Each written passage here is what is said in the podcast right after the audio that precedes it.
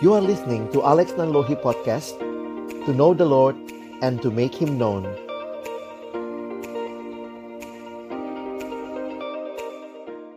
This morning, uh, the invitation to speak on God's providence, uh, I started with this activity. Pagi ini topik kita tentang pemeliharaan Allah Dan saya mulai dengan aktivitas kita tadi Candles in the wind. Adalah eh, lilin-lilin di tengah angin badai When you look at your candle, what did you see? Waktu teman-teman tadi lihat lilinmu, apa yang kau lihat?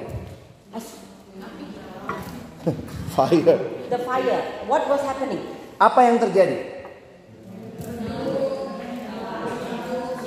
Okay, hidup nyala, hidup nyala. What else? Ad- Apa lagi? Sorry? Hidup nyala is the same Yes, okay. Yes. What else did you see? Apa lagi yang kamu lihat? It was wavering. Ya, bergoyang All right. What else did you see? Apa lagi? It's very fragile and the candle is melting. Melting Ya, lilinnya meleleh ya Do you realize the way the candle melts is the way the wind blows? Teman-teman lihat nggak arah melelehnya itu dari arah angin, jadi bagian itu yang meleleh sisi. So each one of your candle is very different. Jadi sebenarnya lilin setiap kita itu sangat berbeda Everyone started with a candle that looked the same. karena semua mulai dengan lilin yang sama bentuknya, But it depends on where you went, tetapi tergantung ke arah mana teman-teman pergi, where you stood. di mana kalian berdiri, Now your candle is different in shape. maka bentuk lilinmu sekarang beda sama pertama kali. And some of you, you managed to walk very fast and the candle is still burning. Dan ada beberapa saudara yang jalannya cepat sekali tapi terus nyala loh lilinnya. And some of you walking like old people and already gone. Ada yang makan pelan-pelan banget ya mati. And you know, every time I walk past you and I just breathe, you think I'm going to blow out. Dan itu bis anak lewat cuma napas aja teman-teman pasti mikirnya mau ditiup, mau ditiup. What were you thinking as you were walking? Apa yang ada di benakmu waktu kalian berjalan? What did you see when you were walking? Apa yang kau lihat ketika engkau What berjalan? did you experience when you were Apa walking? yang kau alami ketika kau berjalan? Speak to me one by one. Silakan satu demi satu coba share. Put your hand up, then we know who goes first. Ya, siapa duluan? Ya, angkat tangan langsung ngomong. Kan semua ya. senang biar bunga-bunga harus tetap dari tetap jalan ada sesuatu yang ya. bertahan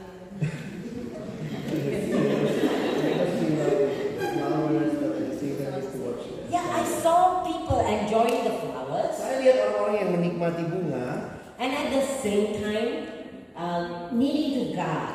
dan pada the saat flame. yang sama harus jaga cahaya And it's ini. not easy. Tidak mudah ya. Alright? Others of you, Lainnya, aku kebalikan ya karena terlalu fokus dengan ini nggak peduli sama yeah. Some of you did not see anything, you only see the fire. ada teman-teman yang hanya lihat cahaya lilinnya kita nggak saking jaganya udah lihat sekeliling. What else was your experience? Apalagi pengalamanmu? melihat teman-temannya gitu Lihat teman-temannya.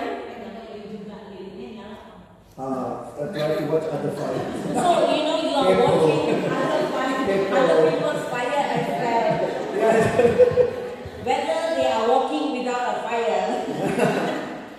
what else? Ada yang lain? Today the experience is from here, but all the Hari ini sih yang diam ya. lihat ada teman-teman yang lain yang megang ini lebih sulit kondisinya karena tidak ada mereka Those who didn't have umbrella is much more difficult. Ya yang pakai payung sebenarnya lebih sulit ya karena air juga jatuh. dari atas. So we all have different experience. Kita semua punya pengalaman yang berbeda. And some of you, you know, you thought that you have the hoodie, you can cover yourself, but your your linen has got no, no hoodie. Beberapa saudara mungkin pikir ya ada tutup kepala tapi kan lilin nggak punya tutup kepala, tutup lilin. So where's my good friend May? Mana Mei? Mei? Nah, Tell us your boleh experience. cerita pengalamanmu? eh, If you go and look at her payung, it's burnt inside Payungnya gue dalamnya udah mulai dibakar. because she holds the linen like that. And so, what were you? Did you? What did you see when you were walking? Apa yang kau lihat? Dari Umar Zambil. Only the roof of the umbrella. Others of you, what Ada did lagi? you see and experience? Apa yang teman-teman lihat dan rasakan? Eh, menyadari ternyata hujannya kurang lebih 5 menit. The rain is almost the same. Five that that five minutes for all the rain. Almost five minutes, the rain came. No, eh, ketika kita keluar mulai hujan, tapi waktu jalan mulai berhenti, pas mau balik hujan lagi. Oh, on the way back. yeah. So you know, I also overheard that as we were starting, Saya juga sekali sempat dengar And waktu when the kita rain mulai, started- waktu mulai hujan, somebody said God did not support this activity. ada yang bilang kayaknya Tuhan nggak berkenan deh kita keluarin. Maybe, maybe he was encouraging you to do this activity. Tapi bukannya justru namanya Tuhan mendukung aktivitas ini supaya lebih susah mati, eh lebih gampang mati. What else was your experience? Ada I'm lagi. sure some of you were very afraid to fall, keeping the lights on together. Dengan siapa? Maksudnya ya. So the day three of them is uh, together, work together. Walk together, right? And making sure, because you have to walk with three people's pace, Uh-huh. because you walk at your pace, that person's light may go. Karena kalau kita jalan bertiga maka langkah kakinya harus sama. Kalau satu lebih cepat malah susah gitu ya. What else was your experience? karena di waktu masih hujan jadi melihat dapur kayak mikir hari ini masak apa ya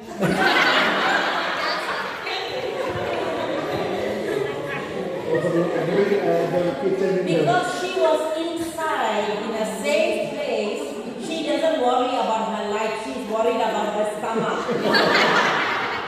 Dia lebih pusing sama perutnya karena dia ada di dalam eh, ruangan di dapur sana ya, jadi tidak terlalu sulit.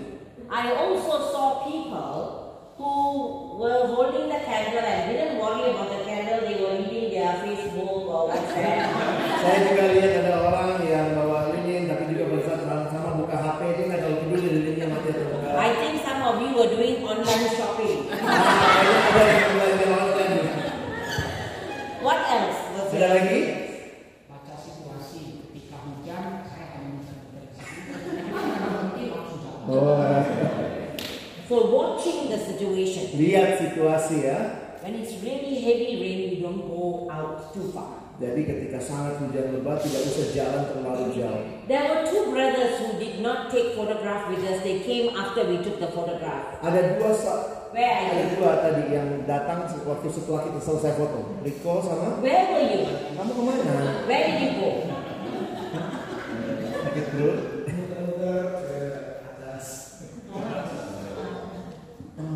So you went up to. Okay. And how did you find your candle burning as you were going so far? Tetap nyala nggak? Lilin- Lilinnya nggak sepanjang perjalanan jauh gitu. Iya, Yeah, eh. uh, I use my umbrella Mm. uh, and keeping the light on. So using the umbrella to shield your light. Jadi pakai payung itu untuk me- melindungi api. Anybody else? Lalu kaki. None. One minute. ah? Okay. apinya cukup menghangatkan tangan Ah, warm, the the the fire warm his ah, his palm. So you know his palm is not very warm. Tangannya sangat hangat sekarang. Yes. the- Aku juga kaget dan excited. Itu di main. Okay. Please Jadi translate. KDV jalan salah jalan, kena lumpur dan kakinya kotor. So you know you can your flame ma- did your flame go out? No, the flame was safe, but you fell. Jadi ah, apinya tetap menyala tapi ternyata salah jalan. Ya, eh, eh, apa tadi berusaha supaya dirinya tetap tetap nyala eh, di tengah-tengah hujan di tengah-tengah teman-teman minta difotoin sama bunga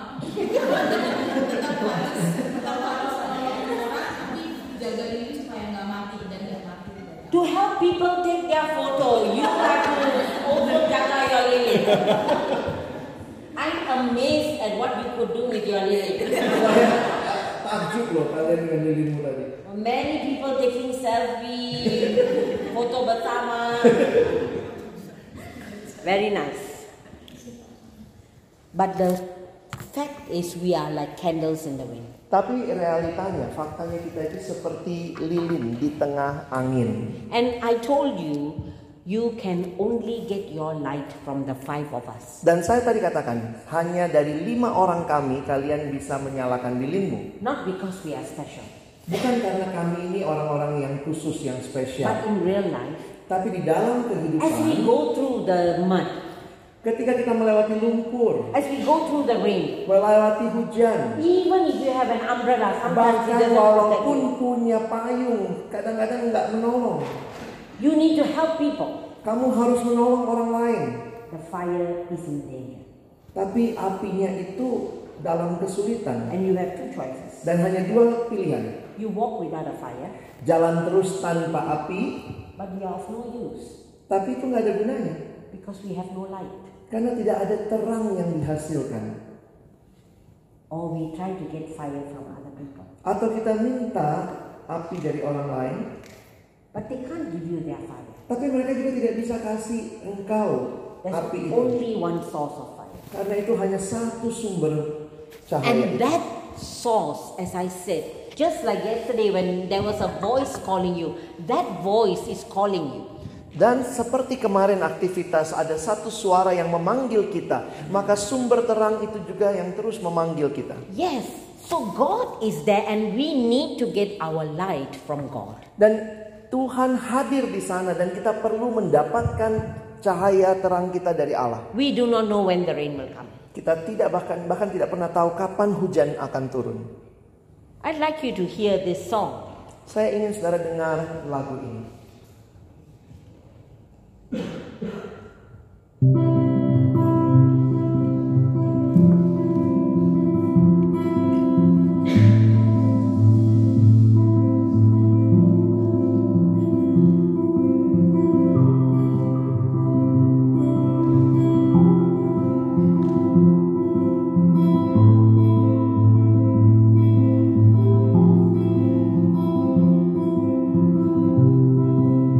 I can see the sun.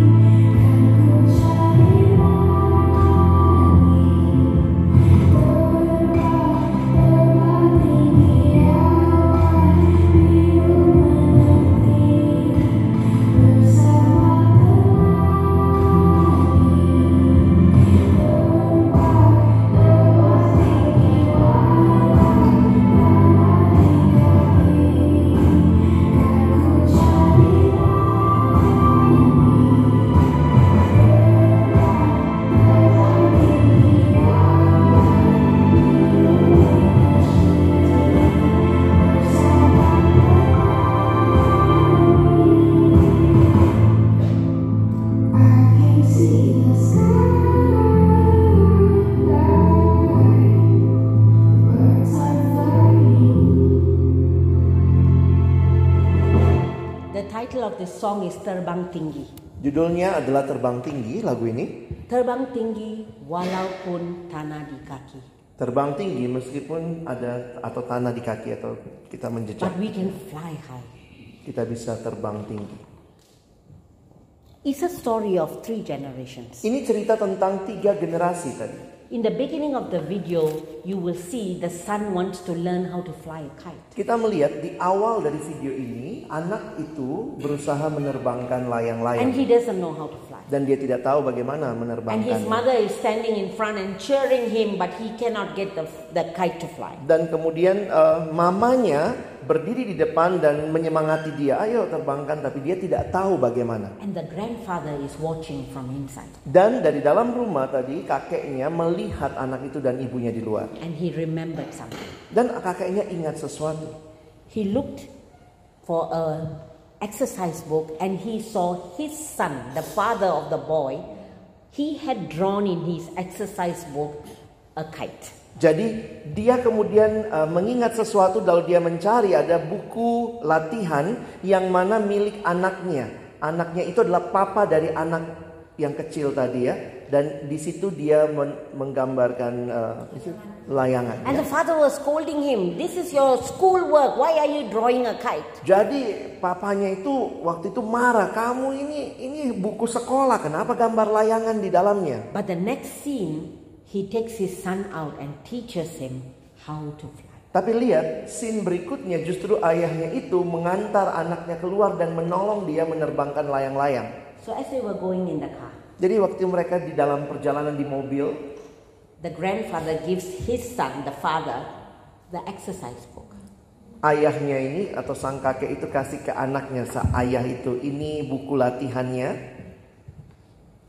And when the father went back and looked, he remembered his father taught him how to fly. Dan ketika anak itu melihat buku itu dan dia kemudian ingat bahwa papanya lah yang me- mengajari dia, menolong dia menerbangkan layang-layang.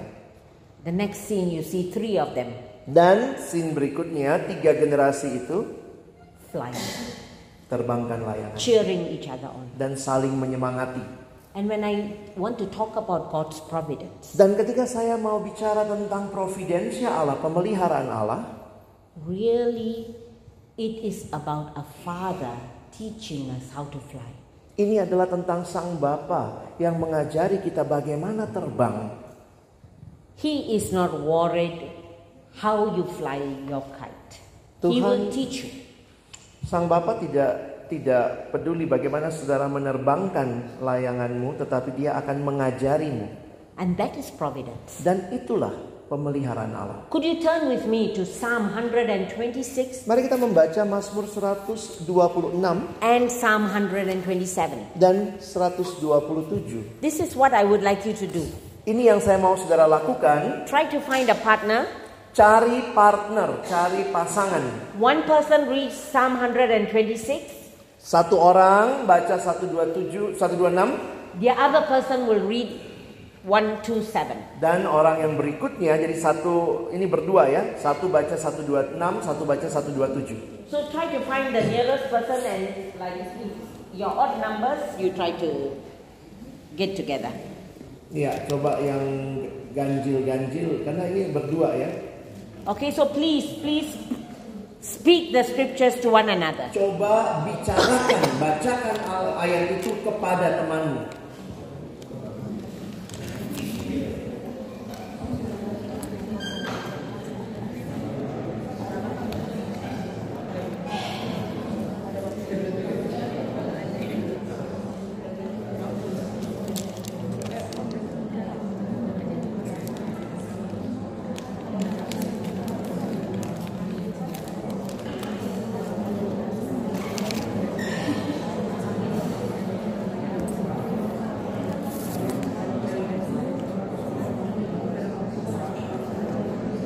Try to have it. It's okay. Slow down. No, no need to hurry. We actually have no other things.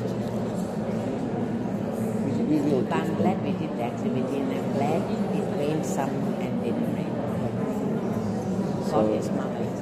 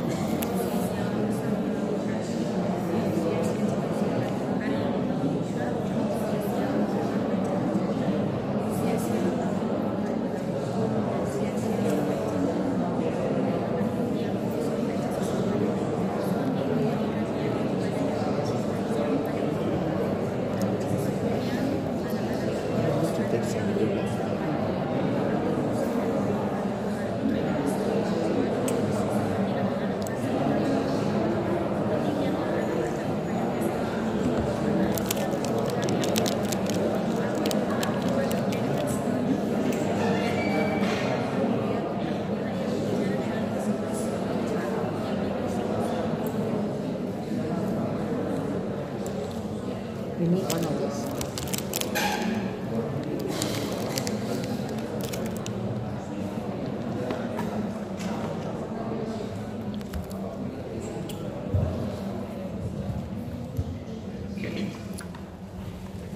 The setting of these psalms, and we are not very clear where the setting was. Konteks dari Mazmur ini tidak kita ketahui dengan pasti.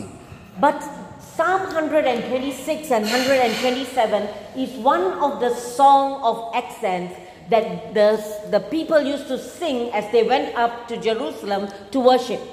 Tetapi dua Mazmur ini adalah bagian dari kumpulan Mazmur ketika orang-orang datang ke Yerusalem mendaki atau nyanyian ziarah menuju ke Yerusalem. There are 15 psalms of accents. Ada 15 Mazmur ziarah.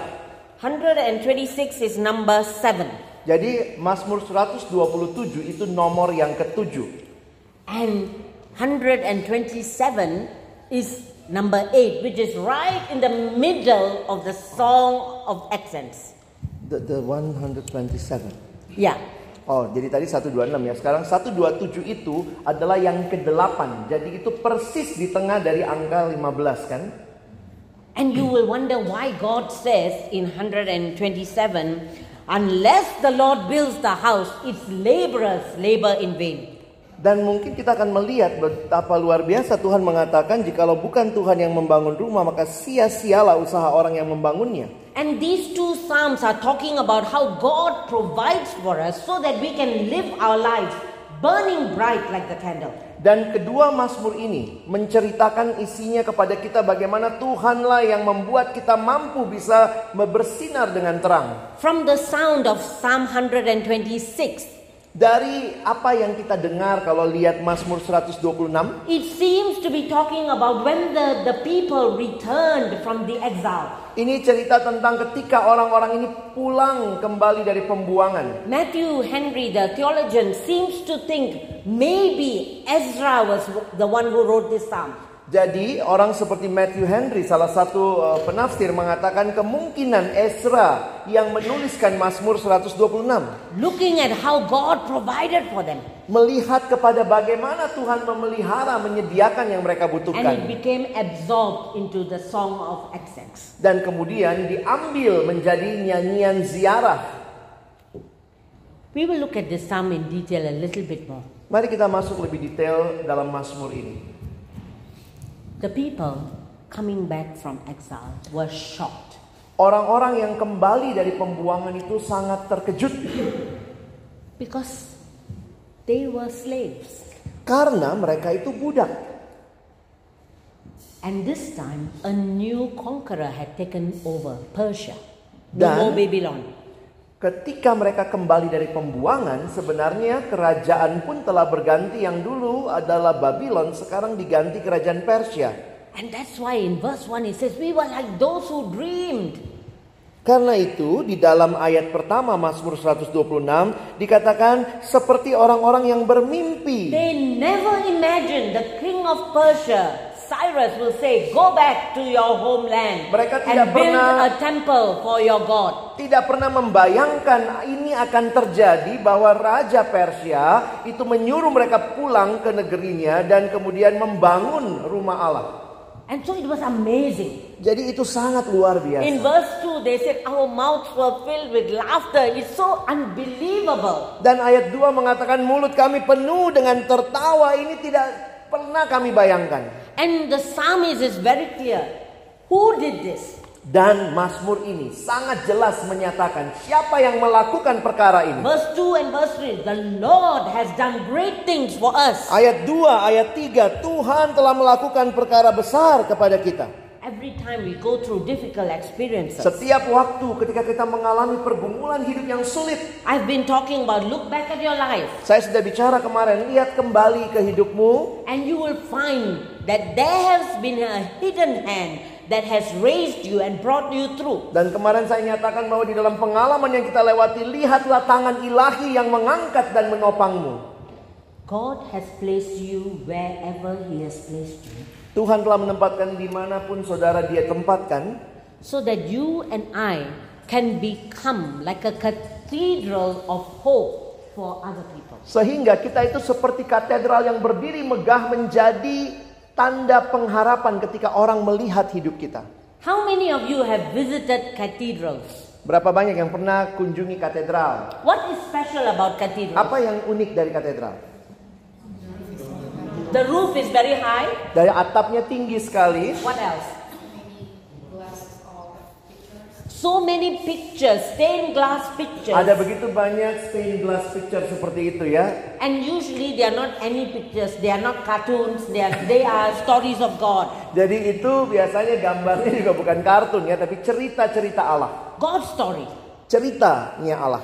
And also, in some places, if you find in Germany a cathedral, it will also contain the story of what happened around that place. Dan kalau saudara pergi misalnya ke Eropa di Jerman, di dalam stained glass seperti itu bisa juga bukan cerita Alkitab, tapi cerita tentang apa yang Allah lakukan di masyarakat di jemaat itu. Usually, when you enter a cathedral, what do you feel? Biasanya kalau masuk katedral, rasanya apa?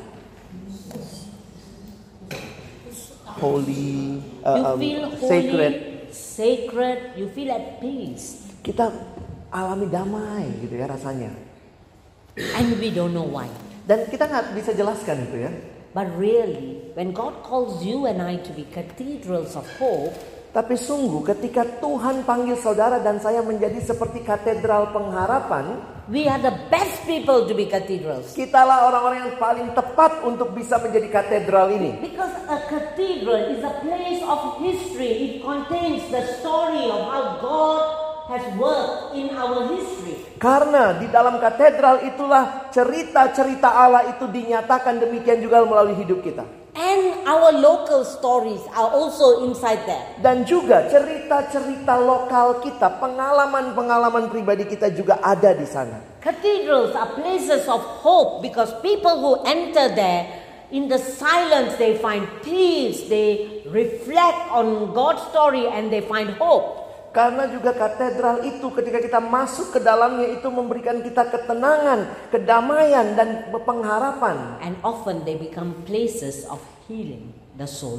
Dan juga melalui katedral itu biasanya jadi tempat pemulihan jiwa.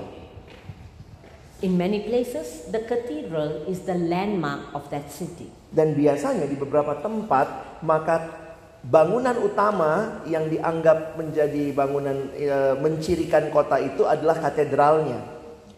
It attracts many people, tourists especially. Jadi biasanya itu didatangi oleh banyak turis karena menarik untuk orang kunjungi. But more than tourists, cathedrals also attract pilgrims who want to go and meet with God. Tetapi selain menarik para turis, katedral juga menjadi tempat di mana menarik orang-orang yang menjadi peziarah yang mau melewati itu. The whole of this retreat, I've been telling you, the clues are in your life. God has been working through your past. Di dalam retret ini, saya sudah berulang kali katakan bahwa jejak-jejak ilahi itu ada dalam hidup yang saudara sudah Through lalui. your struggles, Di dalam masa yang saudara lalui melalui pergumulan through your saudara, success, melalui ke- kesuksesanmu, through your ministry, melalui pelayananmu. And can you imagine as you stand there, you are like a cathedral to those around you? Dan bisakah saudara bayangkan ketika saudara sudah melewati semua itu, maka waktu saudara berdiri, saudara seperti katedral bagi orang-orang di sekitarmu. God is using your life to speak to others whether you see it or not. Tuhan memakai hidup saudara untuk berbicara kepada orang-orang di sekitarmu, entah kau sadari itu atau tidak. And that's why we need to have our light, our fire burning. Karena itulah mari kita terus punya api yang menyala. Actually, nobody knows your fire is not burning. Sebenarnya kan tidak ada yang tahu eh, lilinmu nyala apa tidak. Nobody is sure. Tidak ada yang bisa pastikan ini nyala nggak ya. Only you. Hanya kamu yang bisa memastikan. But Tapi when your fire is not burning, the impact as a cathedral is low. tapi kalau lilinmu tidak menyala, maka dampak kehadiranmu sebagai katedral pengharapan itu akan menurun. That's why I keep saying it's not about what you do, it's who we are that matters. Karena itu saya berulang kali katakan bukan apa yang kau lakukan, tapi siapa kamu, kamu akan jadi seperti apa itu jauh lebih penting. And it's the same about Perkantas Jakarta. Dan ini sama untuk Perkantas Jakarta. Who Perkantas Jakarta is Siapa Perkantas is more Jakarta? important than what you do. Siapa Perkantas Jakarta itu jauh lebih penting daripada apa yang Perkantas Jakarta lakukan. If Perkantas a good cathedral to those around us. Apakah Perkantas Jakarta telah menjadi katedral bagi orang-orang di sekitar kita? A cathedral is a place of history. Di katedral itu tempat yang bersejarah. The years have already spoken about who Perkantas is. Karena tahun-tahun yang berlalu telah menceritakan siapakah Perkantas itu. And from there you can see God has been providing for Perkantas more than you ever imagined. Dan kalau saudara melihat semua itu, bahwa saudara harus meyakini bahwa Allah telah memelihara perkantas lebih dari yang sanggup kita bayangkan. You know better than me. Saudara pasti jauh lebih tahu dari saya. So if I'm wrong, please forgive me. Jadi kalau saya salah, maaf ya. But you know, from what I hear about your history, God started doing something in the 60s among you. Tapi dari sejarah yang saya tahu tentang pelayanan perkantas di Indonesia, saya mendengar bahwa Tuhan telah melakukan pekerjaannya dari tahun 60-an. That was the hour God was stirring something in Jakarta. Itulah tahun-tahun di mana Tuhan seperti membangkitkan apa yang ada dalam perkantas I Jakarta. know your official date of starting is 1971. Saya tahu memang tahun berdirinya secara resmi 1971. And maybe more intentionally, it began at 69. Tapi secara intentional mulai dari tahun 69. But even before that, God was arranging. When uh, I think Jonathan Parappa was in Australia, he met somebody. Tapi saya yakin bahwa sebelum tahun-tahun itu Tuhan pun sudah bekerja ketika Pak Parapak ada di Australia dan berjumpa dengan orang-orang. Small beginnings. Mulai dari yang kecil. Remember, Jesus said, Unless a kernel of wheat falls to the ground and dies, it will remain a seed. Ingat seperti yang Yesus katakan jika bi- benih gandum itu tidak jatuh ke tanah dan mati tidak mungkin menghasilkan buah. That's your beginning. Itulah awal kita. But those seniors, not all of them are here now. Tapi para senior yang memulai itu kan tidak semuanya masih ada sekarang. But they had great faith. Tapi mereka punya iman yang besar. They launched out into the deep. Mereka masuk, berani masuk ke dalam kedalaman. And we saw the historical forming of Perkantas in 1971 Dan kita kemudian melihat pendirian perkantas tahun 1971. and the dream was not small. Dan mimpinya bukan mimpi yang kecil. The dream was big that every region will have a Perkantas, every campus will have a witness and that is how big the dream was.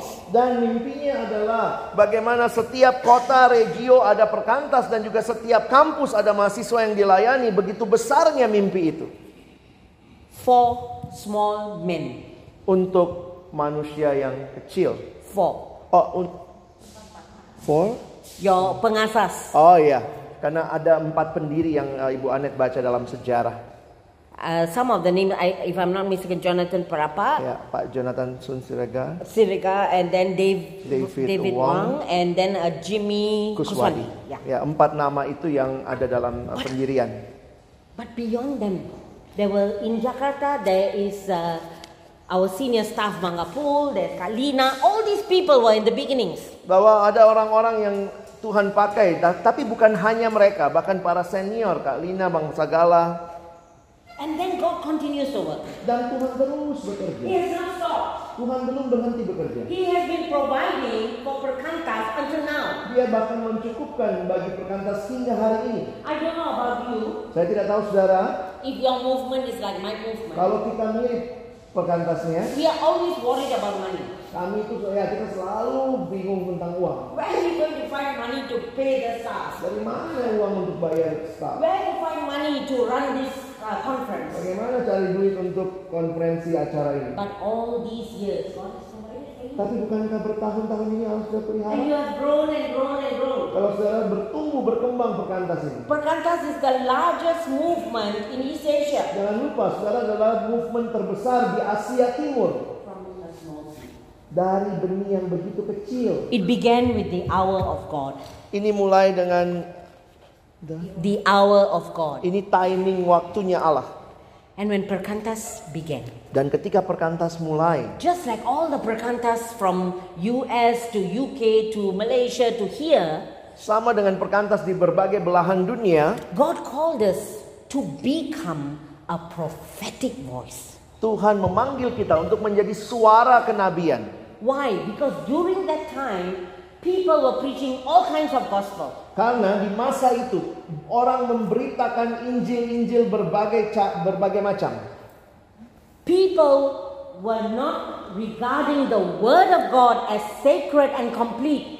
Orang-orang masa itu tidak melihat Alkitab itu sebagai firman Allah yang kudus dan yang cukup. It was the student movement in each of these nations that rose up to say that we need to keep to God's word and not become liberals. Sehingga kalau kita melihat sejarah, Tuhan membangkitkan persekutuan mahasiswa di berbagai negara yang begitu cinta firman melawan arus liberal yang ada. So we didn't start a group just so that we have a group, a club.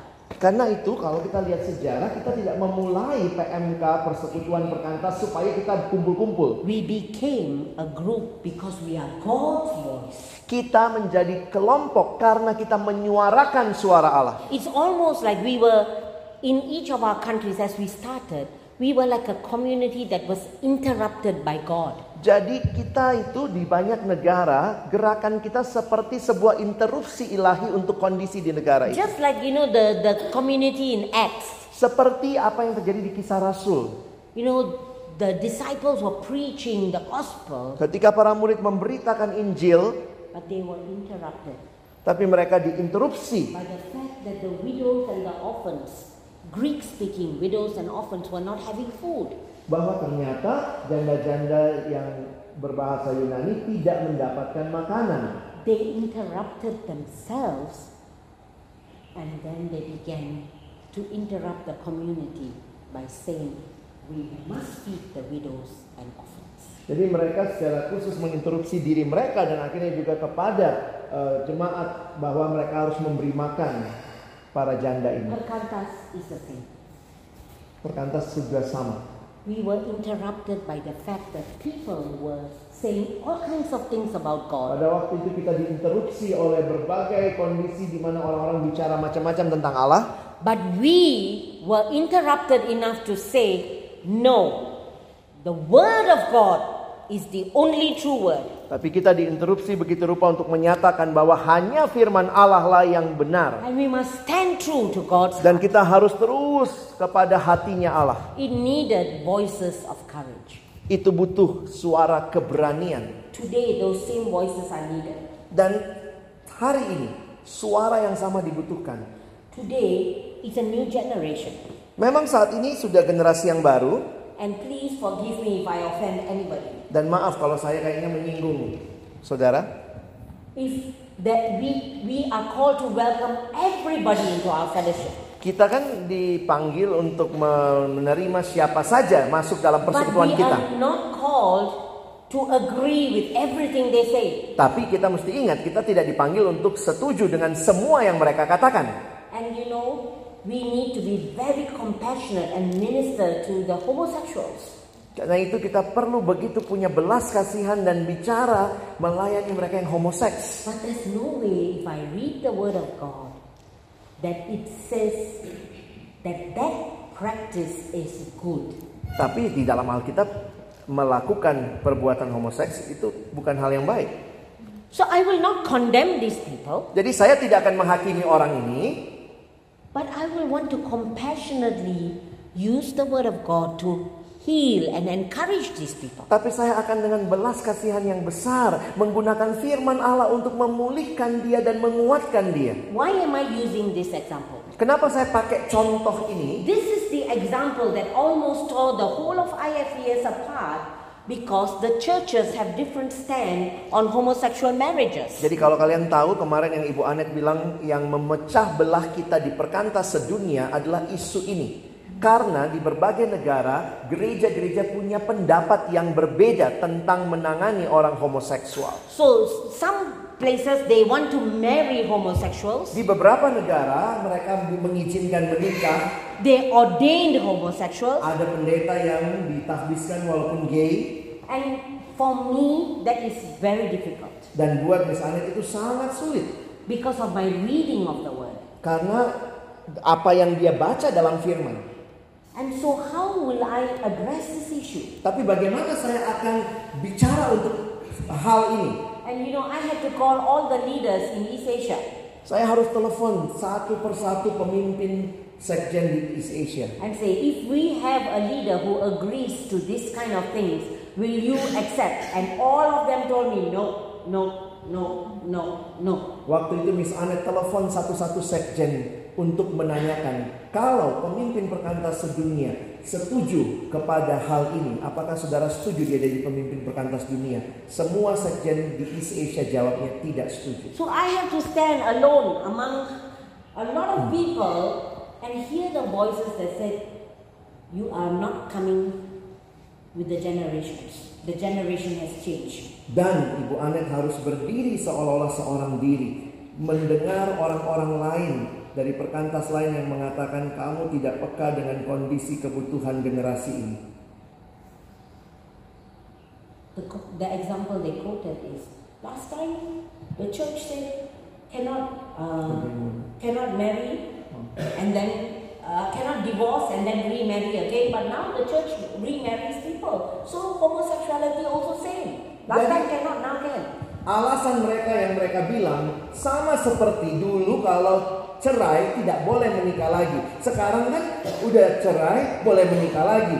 Jadi demikian juga homoseks harusnya anak kamu lebih terbuka dong bahwa boleh kok nanti uh, homoseks pastornya. So really, Perkantas from the beginnings was a prophetic voice. Jadi sebenarnya kita mesti ingat jati diri perkantas dari awal kita suara kenabian. They may be small, Mungkin kecil, but our authority is only the word of God. tapi otoritas kita tetap firman Tuhan.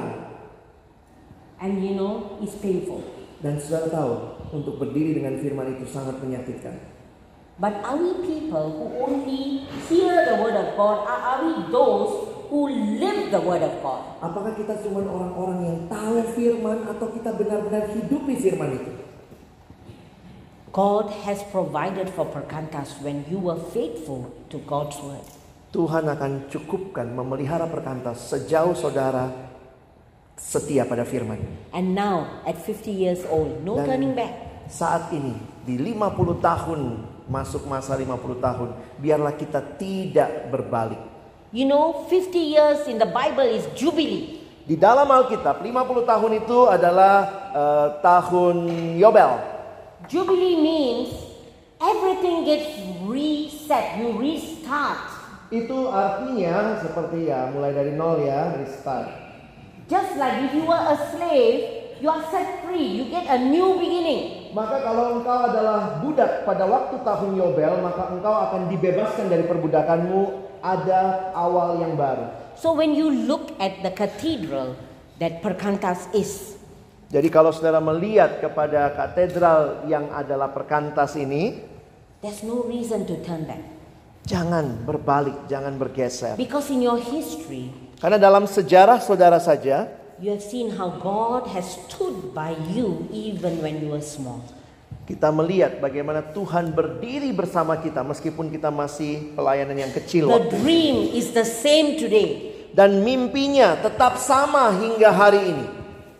In, the, in 1969, the dream was Thy kingdom come in every region, in every university in Indonesia. dan mimpinya tahun 69 bahwa kerajaan Allah nyata, kerajaan Allah hadir di setiap kota, setiap kampus And in schools, dan juga di sekolah-sekolah. that we become the messengers of hope in the institutions of learning and beyond. Dan kita menjadi sebuah eh, bagian eh, sebuah pesan pengharapan di setiap institusi pendidikan dan bahkan melampauinya. God has already taught you how to fly. Tuhan sudah ajarin kita loh gimana untuk terbang. The only thing we need to do, Dan nah, karena itu yang perlu kita lakukan, we are not living 50 years ago, kita kan nggak hidup 50 tahun yang lalu, we are living in a new generation. Kita sekarang di generasi yang baru, There are new issues. ada isu-isu baru, There are new uh, uh, brokenness. ada kehancuran-kehancuran yang baru, There are new theologies that are coming up. ada begitu banyak teologi baru yang muncul saat ini. And our role is to remain faithful to our God. Dan peran kita adalah tetap setia kepada Allah kita. You know, there are many issues. I am confused. I'm, I, I tell people I'm not a theologian. Ya, jadi Ibu Anet pun sadar banyak isu yang dia juga bingung dan dia juga bukan teolog. teolog. They ask me, what is your view on uh, women in leadership? Misalnya ada yang nanya, Ibu Anet bagaimana pendapatmu tentang perempuan memimpin dalam gereja? Uh, what is your view on this issue? Bagaimana uh, pandangan tentang isu ini? What is your view on that issue? Ini itu I just go back to the Bible saya hanya balik ke Alkitab as much as I understand. sejauh yang saya pahami. And we look at the word, not what somebody else says. Jadi kita dengar apa kata Tuhan, bukan apa kata orang tentang Tuhan. We don't listen to our experience and say it should be okay. Dan kita bu- bukan juga melihat uh, pengalaman kita lalu bilang harusnya ini nggak apa-apa sekarang. And while you are experiencing all this, Tapi mengapa kita mengalami semua ini? God is at work. Karena Tuhan sedang bekerja. Look at Psalm 126. Lihat Mazmur 127 Saudara. Look at verses 1 to 3. Lihat ayat 1 sampai 3. In verses 1 to 3, the people are like in dream. The people are laughing, they are shocked. Di dalam bagian sebelumnya ini orang-orang bertertawa, mereka tidak kebayang mimpinya gitu ya, 126 itu. The reason Alasannya because of God's many miracles for them. adalah karena pekerjaan Allah yang ajaib bagi mereka. They had no army to fight and to come back. Bayangkan mereka tidak punya bahkan prajurit untuk melawan penjajah dan pulang ke daerahnya. God moved the king to send them back. Karena itu Tuhan menggerakkan hati raja Persia menyuruh mereka pulang. So they experienced the Lord's new exodus. Karena itu mereka mengalami seperti keluaran yang baru ya Tuhan bawa mereka kembali dari pembuangan New Exodus itu keluaran yang baru. And verse 2 Our mouths were filled with laughter, our tongues with songs of joy. Ayat kedua dari Mazmur 126, mulut kami penuh dengan tertawa dan lidah kami dengan sorak-sorai. You will never understand this until you know how stripped they were when they were in Babylon. Dan saudara sulit memahami kenapa, kenapa mereka tertawa sorak-sorai kalau saudara tidak memahami betapa sulitnya mereka ketika jadi budak di They had no Ya. Babel. identity, Di Babel mereka tidak punya identitas. their names were changed. Nama mereka bahkan diganti. They were people of shame. Mereka orang-orang yang dipermalukan. And suddenly they find themselves back in Jerusalem, the res- God restoring their pain. Dan bayangkan orang-orang seperti ini ketika raja baru Persia nyuruh mereka pulang kembali ke Yerusalem, mereka dapat semua yang mereka tidak da- peroleh sebelumnya. And then in verse 2 says, And then it was said among the nations, even the nations outside could see, the Lord has done great things for this people. Dan ayat yang kedua dikatakan pada waktu itu berkatalah orang-orang di antara bangsa-bangsa, Tuhan telah melakukan perkara besar kepada orang-orang ini. Jadi Tuhan memakai bangsa-bangsa untuk me- bangsa-bangsa pun bisa melihat Tuhan bekerja. And they were becoming a witness to everybody like a cathedral. Dan karena itu mereka akan menjadi saksi seperti katedral yang memberikan dampak bagi sekitarnya. Only because Hanya karena, God and God alone hanya karena Allah dan Allah saja. in your life. Di dalam hidupmu. Unless it is God and God alone, there's nothing to talk about. Di dalam hidup kita. Jikalau bukan Tuhan dan Tuhan saja. Tidak usah bicara In apa-apa. Perkantas. Di dalam perkantas. Unless every step we take is God and God alone helping us to move, there's nothing. Kalau bukan Allah yang memimpin langkah demi langkah kita. Allah dan Allah saja. Maka kita tidak ada If apa-apanya. the flame is dying Kalau cahaya itu mati. and we are still working, Dan kita terus kerja-kerja melayani. there is no cathedral. Tidak ada katedral itu. God's many miracles are needed to help you and I as we walk our life. dan mujizat Allah kita butuhkan dalam hidup kita untuk menjalani perjalanan kita ke depan. Every year, our young staff are amazed in FES Malaysia. Setiap tahun, staf-staf muda kami di Perkantas Malaysia itu kagum. because Kenapa? we are always short of money. Karena kita selalu defisit. So, you know, in November la- 2019, we were half a million in deficit. Tahun lalu kami setengah juta unjung kita, And, and not rupiah, bukan rupiah ya, setengah juta.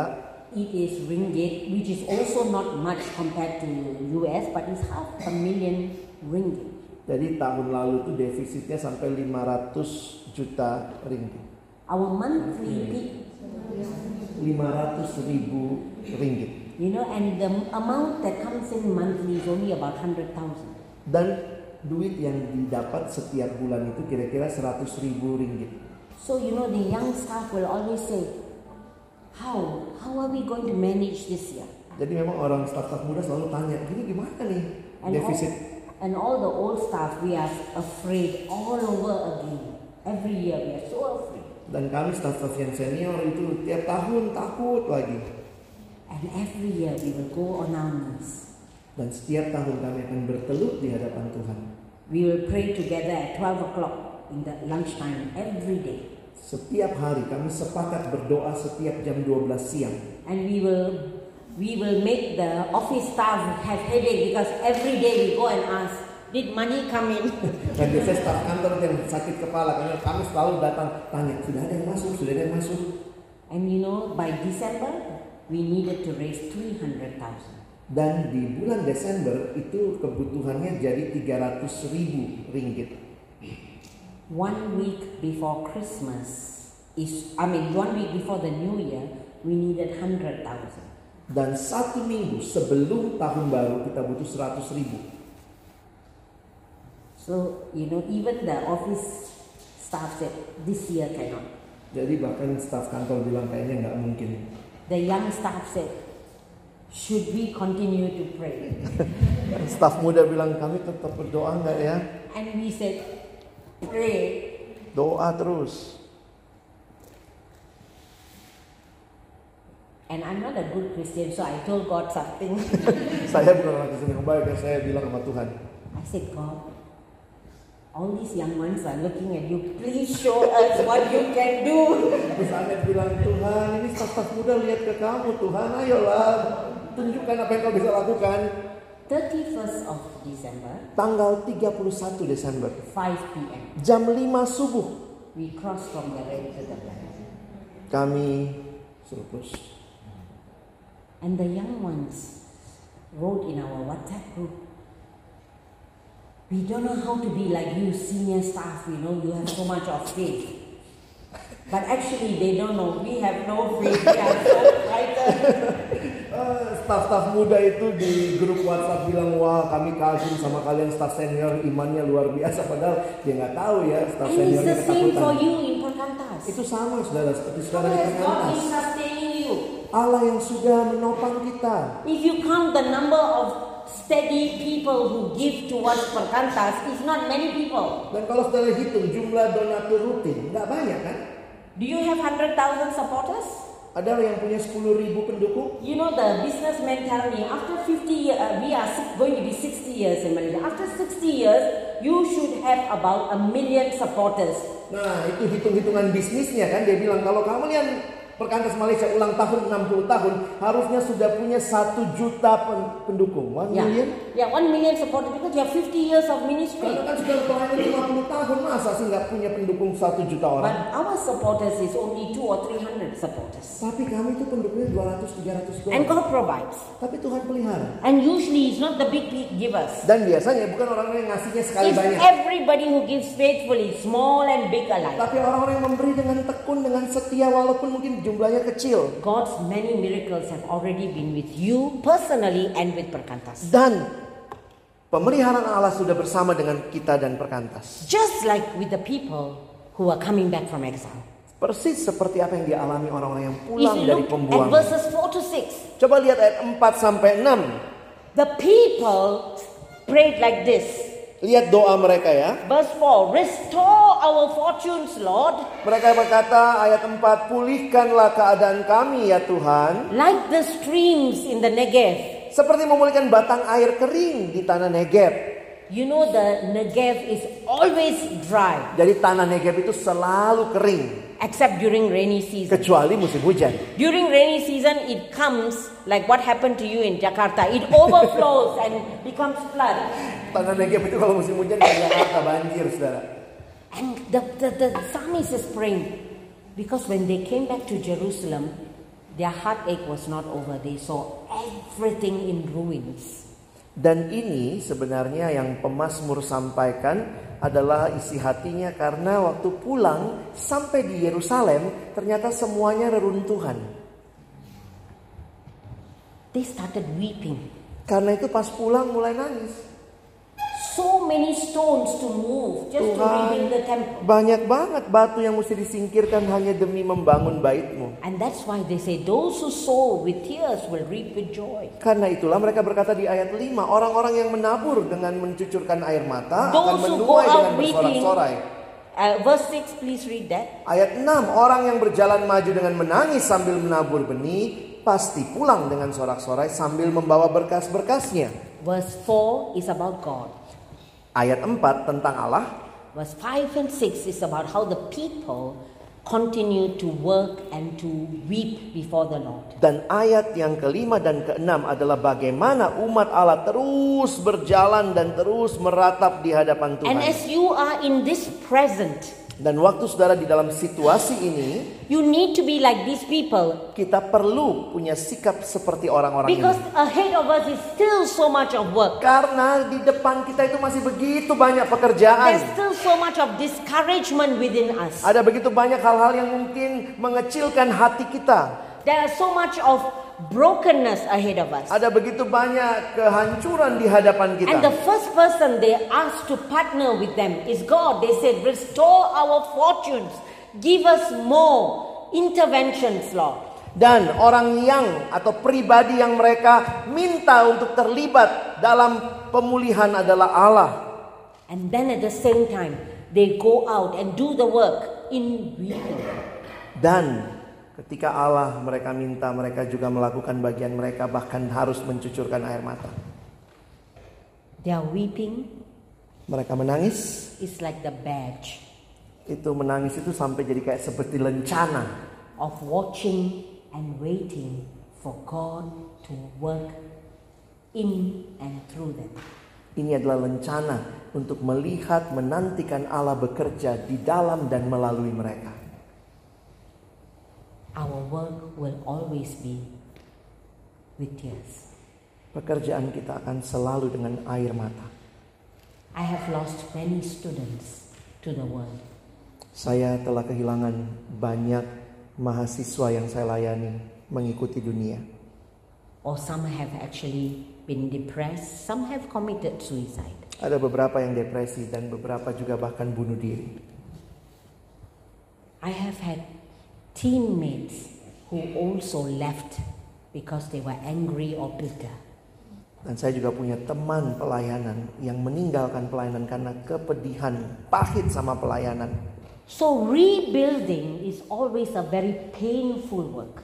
Karena itu pekerjaan membangun ulang selalu pekerjaan yang menyakitkan, menyedihkan. And now, because Perkantas is not just Perkantas Jakarta, it's Perkantas everywhere, we really need to come together, rebuild, and be united. Dan karena perkantas bukan hanya di Jakarta sekarang, tapi di berbagai kota, di berbagai tempat, kita harus benar-benar berkumpul bersahati sama-sama untuk membangun kembali apa yang Tuhan percaya. Inviting God to overflow us like the Negev. Dan berdoa supaya Tuhan biarlah kami dibanjiri seperti apa yang pengalaman di Tanah Negev. But at the same time, Tapi pada saat yang sama, weeping before Him. mari terus meratap, menangis di hadapan Tuhan. and so that He can heal us and you continue to use us. Sehingga Tuhan akan memulihkan kita dan terus memakai kita. I made a promise to God when I was in my first year. Saya pernah bikin janji sama Tuhan di tahun pertama saya jadi staff. I will never leave the work Saya tidak akan tinggalkan pelayanan ini. when I am bitter. Saya tidak akan tinggalkan pelayanan ini kalau saya sedang dalam kepahitan hati. Maybe that's why I'm still here. Mungkin itu saya tetap di sini ya. I'm joking, huh? but really, we don't leave when we are bitter. Tapi sungguh teman-teman jangan tinggalkan pelayanan kalau That's lagi not a new calling. itu jangan bilang ini panggilan yang baru padahal kita keluarnya karena I sakit told hati. you that is the opportunity for God to do something new. Tapi saya ingin katakan itu adalah kesempatan Allah yang memberikan sesuatu yang baru. And that Psalm 126 flows into 127, the most important Psalm. Dan Mazmur 126 ini mengalir ke Mazmur 127 yang menjadi Mazmur yang paling penting. Right in the middle in- of the Song of Accents. Dan kalau saudara lihat itu persis di tengah dari nyanyian ziarah ini. That unless God moves, Jika bukan Tuhan yang membangun rumah, no point you do your labor. nggak ada gunanya semua.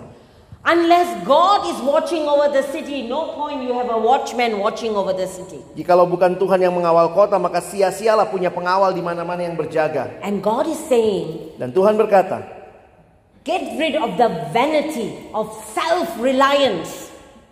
berhenti dengan kesia-siaan mengandalkan diri sendiri. they you will still be in danger Ada? you will still be in danger unless i watch over you Maka kamu tetap akan ada dalam bahaya, kecuali aku yang memelihara dan menjagamu. i am very worried how we are adopting all kinds of plans and strategies from the world and think this will save us Dan saya mulai takut dengan berbagai hal yang kita ambil dari dunia, planning, strategi-strategi dunia yang kita pikir ini yang akan menolong kita. people think to get more money we need to do new kind of marketing Mungkin ada yang berpikir untuk bisa dapat donatur lebih banyak, kita perlu strategi marketing yang baru. yes Memang,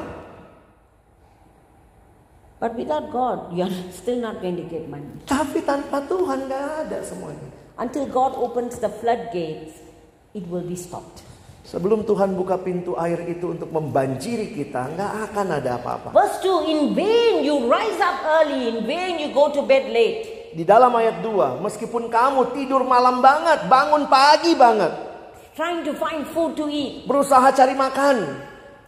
It says, God grants sleep to those whom He loves. Dikatakan ini, Tuhan memberi makan kepada orang yang tidur. You know, I am very jealous of my housemate. Ibu Anet sangat kes- eh, apa ya iri sama eh, teman flatnya. Anytime, anywhere, that person can sleep. Orang itu di mana aja saudara bisa bobo gitu, bisa tidur. If got problem, also can sleep. Bahkan punya masalah bisa tidur dia. When I have problems, I'll be staying up the whole night. Kalau saya punya masalah, saya tuh nggak bisa tidur saudara. Lord, I want to sleep. Help me to sleep. Tuhan, saya mau bobo ini Tuhan, tolong saya. God grants sleep to those whom He loves. It's not our work. Bahkan Tuhan yang memberikan tidur bukan pekerjaan kita. Even children.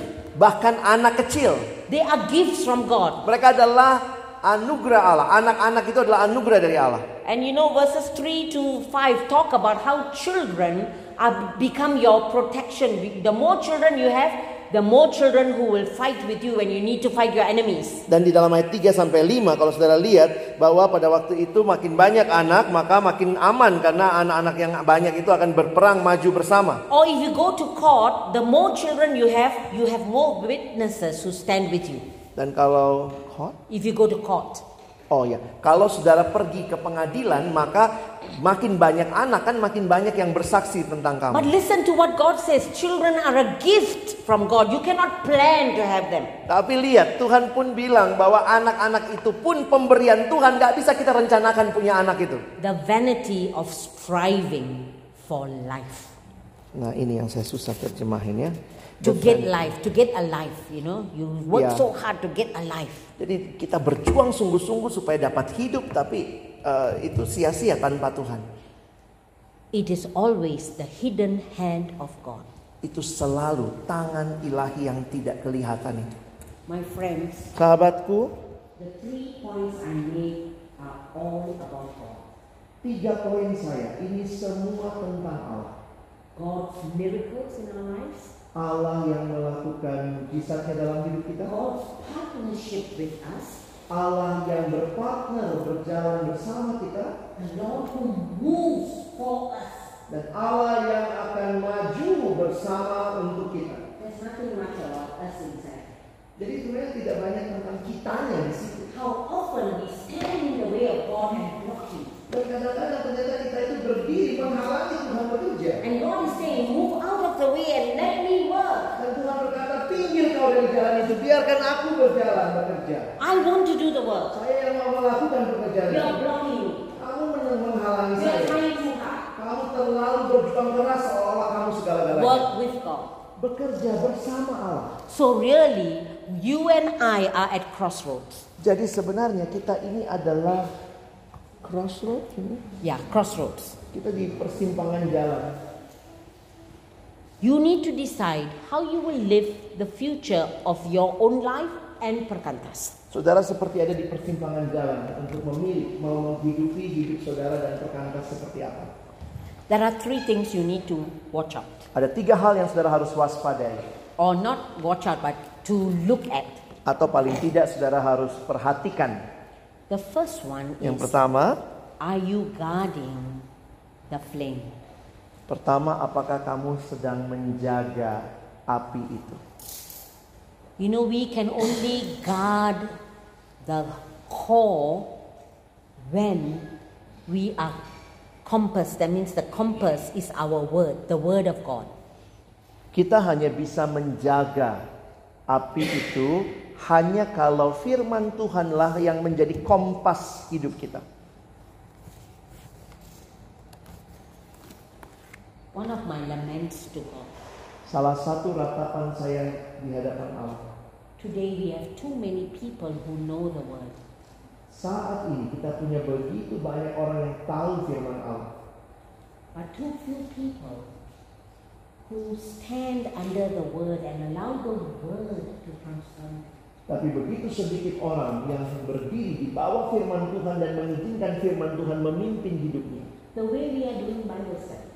Cara kita memimpin PA, We inform them so many information, kita itu begitu banyak kasih informasi di PA kita. but we are not cathedrals for them to see that the most important part is where God's word examines us. Tapi mungkin kita bukan menjadi katedral pengharapan yang hidup kita bisa dilihat oleh mereka bahwa kita pun sedang hidup di bawah otoritas firman Allah. So that is the way to guard the flame. Itulah cara menjaga api itu. We engage the word and allow the, ourselves to stand under the word. Kita benar-benar merangkul firman itu dan membiarkan hidup kita di bawah otoritas firman. Second, Yang kedua, the way we guard the word, I bagaimana mean, cara guard the flame, menjaga api itu? is that we will always need to be fortified on our knees. Kita harus selalu memberi, memiliki benteng yang teguh dengan lutut kita. Do we come before God and just lay before Him? Apakah kita benar-benar datang kepada Tuhan dan berserah kepadanya? Or are we giving our shopping list? You know, sometimes what we call prayer meeting is God do this, God do that, God do this. Atau kita kayak kasih list shopping. Kalau kita persekutuan doa kan biasanya kayak gitu tuh. Ini Tuhan lakukan ini, ini, ini, ini kegiatan, daftar kegiatan. It's almost like online shopping. Kayak belanja online, ini listnya. No, we become undone before the Lord and wait for Him to move us, to give us direction. Tapi kita harus benar-benar menyerahkan diri kepada Tuhan, bertelut di hadapannya, minta petunjuk kemana arahnya Tuhan. And the way we guard the flame Dan bagaimana cara menjaga api itu? is what our sister behind there just now said. Apa yang tadi? They walk together and make sure each other's flame is still burning. Seperti yang saya katakan tadi, cara yang ketiga adalah berjalan bersama-sama dan memastikan bahwa api kita tetap menyala bersama. Holding on to community Berharap atau tetap di dalam and komunitas fellowship. dan juga persekutuan. My friends, this is what is beginning to go missing in our lives and generally in Perkantas. Dan inilah hal-hal yang mulai hilang di dalam hidup kita dan mungkin juga di perkantas. That we, uh, we know the word, but we don't stand under the word. Kita tahu firman tapi kita nggak berdiri di bawah otoritasnya. And prayer has become a shopping list. Dan doa-doa kita cuman kayak men- menyerahkan daftar belanjaan. We don't allow God to rule over our lives. Kita tidak menyerahkan diri kita dipimpin oleh Tuhan. And e- often we look at the other person as our competitor. Dan kadang-kadang kita lihat teman kerja kita ini sainganku. And then we break Lalu relationship. kita memutuskan hubungan And I can tell you, at this crossroads, we need to decide we go together. Tapi saya ingin ingatkan bahwa di persimpangan jalan ini mari kita memilih untuk berjalan maju bersama. Uh, some of you have seen this cartoon before Beberapa saudara pasti sudah pernah lihat karton ini. of this uh, animal that came from out of space. Ini eh, eh, hewan yang dari ini ya, The Stitch name ya. of this Stitch, Namanya Stitch ini and the hewan. girl is Lilo. Lilo and Stitch ya. And she thought she was buying a dog, Dia pikir dia beli anjing. but they realized she and her sister realized it's not a dog, it's don't know what. Dan mereka, mereka sadar, oh ini bukan anjing. and the sister said, "We must give this away. It's dangerous." Lalu eh, saudaranya bilang kita mesti buang ini, ini bahaya. But she told her elder sister, But father taught us ohana. Ohana is the Hawaiian word for family. And family means nobody gets left behind or forgotten. Jadi ketika kakaknya Lilo ini, kakak tertuanya kak- perempuan bilang buang ini. Lalu kemudian Lilo bilang, ingat loh papa kita ngajarin kita Ohana. Ohana itu dalam bahasa Hawaii adalah family. Dan karena family tidak ada yang ditinggalkan di luar Atau dilupakan. atau dilupakan. Tidak ada yang terlupakan. When we go forward every step of the way, we are going together as perkantas. Ketika kita maju dalam langkah-langkah itu, biarlah kita berjalan bersama sebagai perkantas. Everyone that God has called in now. Setiap kita yang Tuhan panggil dalam pelayanan. From those kita. of you who just came in for one month, Bagi saudara yang mungkin baru jadi staff satu bulan, And for those of you who have been here 30 years, bagi saudara yang sudah 30 tahun di all sini, of us will go together semua kita akan berjalan bersama on our di knees, dalam lutut kita bertelut di hadapan Tuhan. asking God to show us the way. Minta Tuhan tunjukkan kemana kami harus jalan. And as the word speaks into our lives, Dan firman itu berbicara bagi hidup kita. we need to make a choice. Kita perlu mengambil keputusan. Second choice you need to make. Keputusan atau pilihan kedua yang harus saudara ambil. You think you are called a staff worker Mungkin saudara pikir kita disebut staff. atau staff perkantas. Dibilang staff perkantas namanya. Let me change your, your role. Saya mau ganti role saudara. Your peran role saudara. is to become a farmer in the desert. Saudara adalah menjadi petani di padang gurun. You sow with tears. Saudara melayani, menabur dengan air mata. asking God again and yet again to visit us, Berdoa minta Tuhan kunjungi kami, to visit datang our kami, students, menolong mahasiswa kami to go into that campus, untuk pergi ke kampus itu, to come into our families, masuk ke dalam keluarga to come keluarga, into our own temptations, masuk ke dalam pencobaan into kita, our office, di kantor kita, so that God can do something. sehingga Allah bisa melakukan sesuatu. At the same time of sowing in tears, we work in faith. Pada waktu kita menabur dengan air mata, juga bekerjalah dengan iman. Every time you preach or you lead a Bible study, you cannot make sure what other people learn. Karena waktu saudara memimpin PA, KTB, maka saudara pun tidak bisa memastikan apa yang orang lain pelajari. Every time you hear somebody telling you something, their problems, you cannot be sure you help them. Dan ketika orang cerita masalah mereka kepada kita, kita pun nggak bisa yakin bisa menolong dia. You work in faith. Saudara berdoa, melayanilah, bekerja dalam iman. So those of you who were looking at your candle Jadi saudara tadi yang dia terus and burning your umbrella, menghanguskan payungmu. joking. huh? Eh, maaf ya, ini. Today, you see, this whole retreat, she didn't take any photos. of it. Di LA yang lalu. I cannot see any photos in the in the Prakasa Facebook. huh? you know, we don't see anything else because we are worried of our flavor.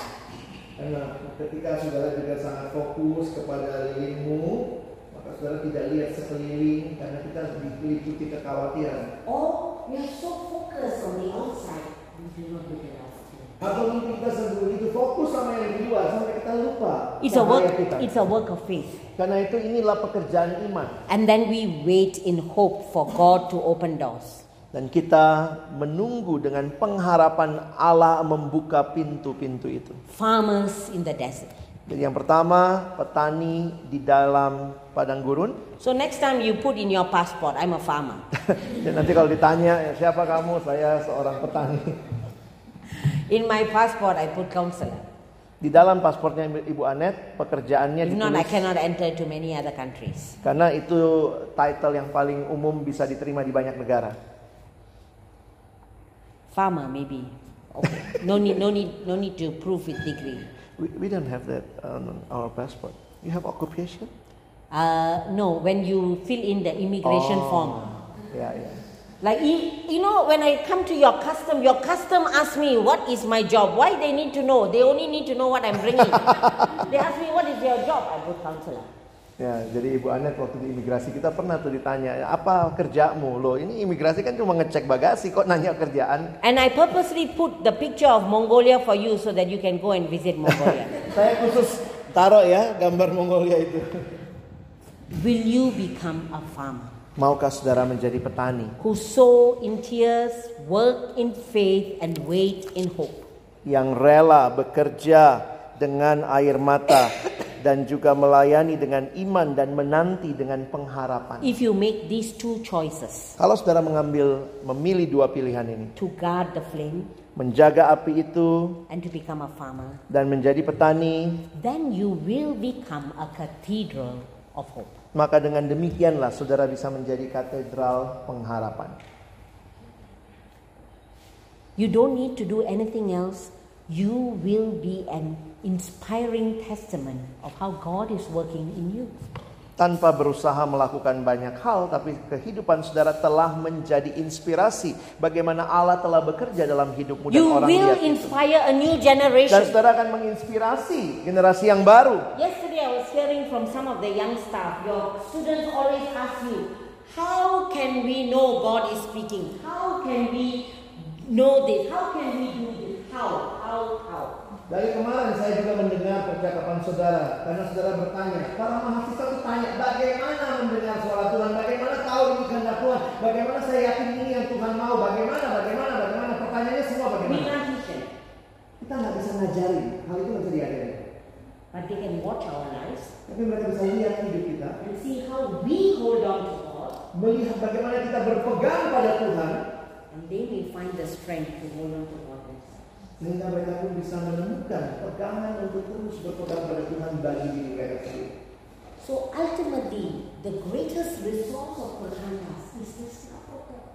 Karena itu, yang utama yang menjadi resource terbesar perkantas adalah para staffnya. Because we are the cathedrals, who we are. Karena kita adalah katedral pengharapan karena diri kita yang mengalami pengalaman. It's through our life that they can see, we can inspire hope. Melalui hidup kita lah, kita bisa menginspirasi mereka yang melihat kita, melihat pengharapan We can itu. inspire them that God is alive, Kita bisa menginspirasi dan berkata, Tuhan itu hidup, God is at work, Tuhan sedang bekerja. God is moving. Dan Tuhan itu ber- ber- berkarya.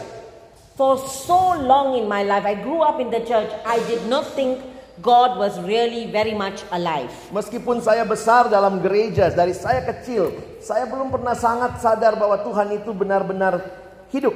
Until now, all the theology I learned, I learned in Sunday school. Dan sampai hari ini kalau ditanya dari mana teologi saya, teologi saya dari sekolah minggu. I learned so many things. Saya bal- belajar banyak sekali. But what I lacked was allowing God to be uh, moved and al- uh, alive in my life. Walaupun saya tahu begitu banyak hal, sa- hal yang saya tidak miliki adalah saya tidak membiarkan membuka hidup saya, membiarkan Tuhan bekerja di dalam dan melalui This saya. is what we call Lordship of Christ. Inilah yang kita sebut dengan ketuhanannya Kristus. So, in this retreat, Sehingga dalam retret ini, maybe you didn't learn many hows. mungkin saudara yang datang dengan harapan belajar bagaimana If the caranya only ini thing you learn is to bring your life before God, you have learned everything. Tapi kalau saudara telah belajar membawa seluruh hidupmu kepada Allah, itulah segalanya. And if right now you are not hearing God, Dan kalau sampai hari ini saudara belum mendengar Tuhan, it's okay. tidak masalah. Because this comes with putting yourself in a place where you want to hear God. Karena ini adalah dengan mengenal diri saudara di tempat di mana saudara mau mendengar Tuhan. Because often we are busy with too many noises. Karena mungkin kita sangat sibuk dengan begitu banyak kebisingan. di Every sekitar time kita. we give silent time to the students, the first question they ask, can I use music? Setiap kali dikasih waktu AWG banyak mahasiswa nanya, diam, oh boleh nggak pakai musik, pakai earphone? So once they hear the music, they are singing along to the song. Jadi waktu udah dengar musik malah ikutan nyanyi. And it's very hard to hear their life. Dan sangat sulit untuk melihat hidup. So I'm sorry I came here if I wasted your time without giving you any harm. Maaf kalau saya datang, saudara sudah ikut sesi saya, saya tidak kasih bagaimananya, bagaimananya. But I can only give you or show you that God and God alone can. Tapi saya hanya datang dan menunjukkan kepada saudara bahwa hanya Allah dan Allah saja yang sanggup. I'll end with this video. Saya akan akhiri dengan video berikut. There was a great musician, a violinist. Ada seorang violin, eh, He suffered from polio as a child. dia punya polio dari kecil And since then, he's been in a wheelchair. dan sejak itu dia di kursi roda. But you know, he plays the violin so beautifully. Tapi dia main biola dengan sangat indah. And one day, when he was playing for a concert, Satu hari dia main di sebuah konser, just at the beginning, one of his strings broke.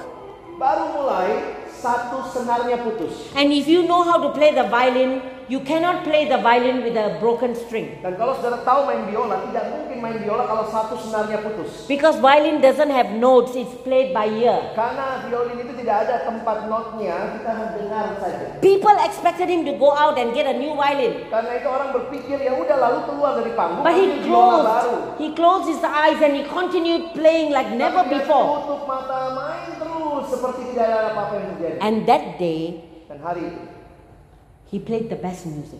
dia mainan musik yang sangat indah. He refused to know that he cannot play with just three strings. Dia menolak bahwa dia dikatakan tidak bisa main hanya dengan tiga senar. At the end of the thing, everybody stood up and gave him a standing ovation. Di akhir dari pertunjukannya semua berdiri memberikan tepuk tangan. And then somebody gave him the mic, Lalu dia dikasih mic. asked him to say a few words. Diminta dia coba sampaikan beberapa kata-kata. They thought he was going to talk about how you play with three strings, Dia mungkin orang pikir wah dia akan bilang bagaimana main dengan hanya tiga senar. but he talked more about more than that. Tapi dia bicara lebih dari itu. He said, In life, Dia dalam, bilang di dalam hidup our job is to make music with what remains.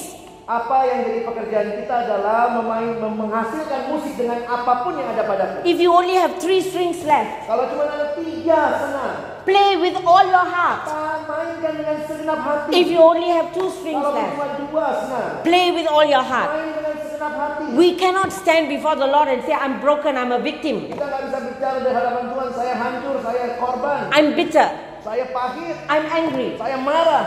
We come before the Lord Kita datang di hadapan Tuhan and we play with all that we have. dan kita main dengan semua yang kita miliki.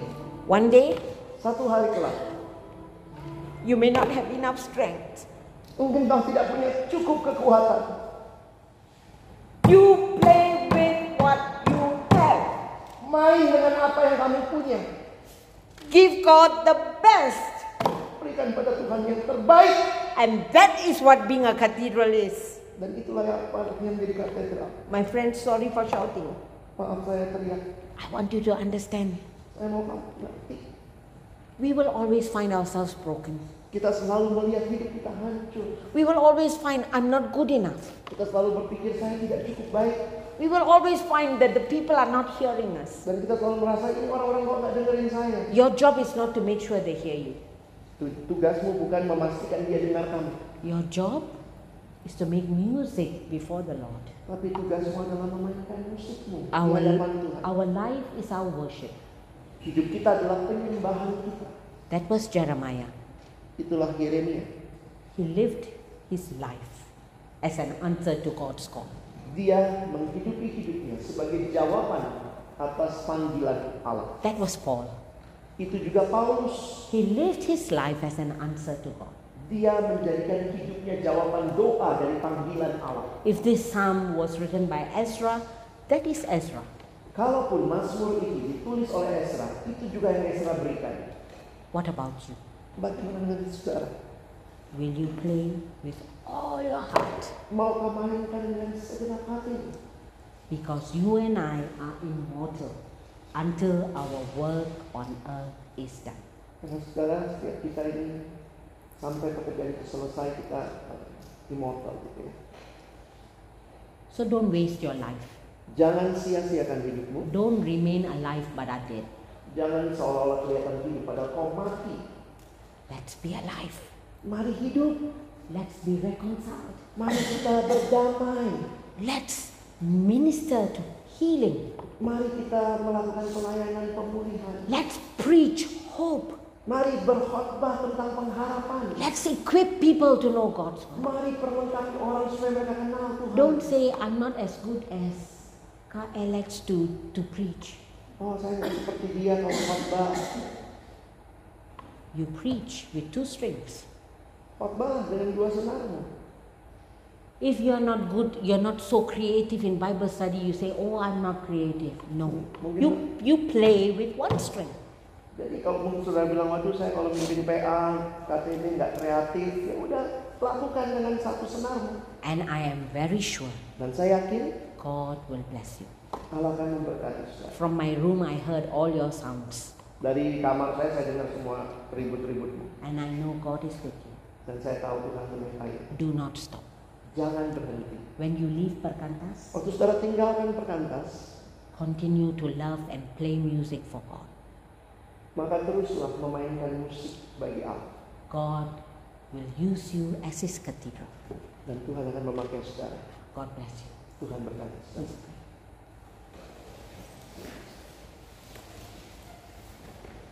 Bapa di dalam surga, terima kasih banyak buat firman-Mu yang terus meneguhkan hati kami di tengah-tengah segala pergumulan. Memberikan kepada kami harapan bahwa Tuhan hadir dan itu cukup bagi kami. Kami mau berjalan bersama Tuhan di tahun ini karena Tuhanlah yang sudah berjalan selama ini bersama kami. Menengok ke belakang, begitu jelas nyata tangan Tuhan. Bahkan dalam kepedihan-kepedihan yang kami alami, di situ pun kami belajar penyertaan-Mu yang sempurna. Terima kasih kami mengawali tahun ini dengan retret ini, menolong kami memandang kepada Tuhan menolong kami melihat apa yang menjadi rencanamu dikuatkan, diteguhkan, melangkah bersama sebagai perkantas. Kami bersyukur untuk hambamu Miss Anet yang boleh menyiapkan semuanya bagi kami. Sebagaimana Tuhan berjalan bersama dia, biarlah dia terus juga menyerahkan hidupnya berjalan bersama Tuhan. Dalam nama Yesus kami bersyukur, kami berdoa. Amin.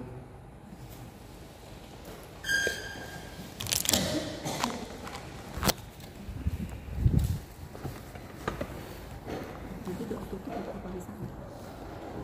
Yang salah.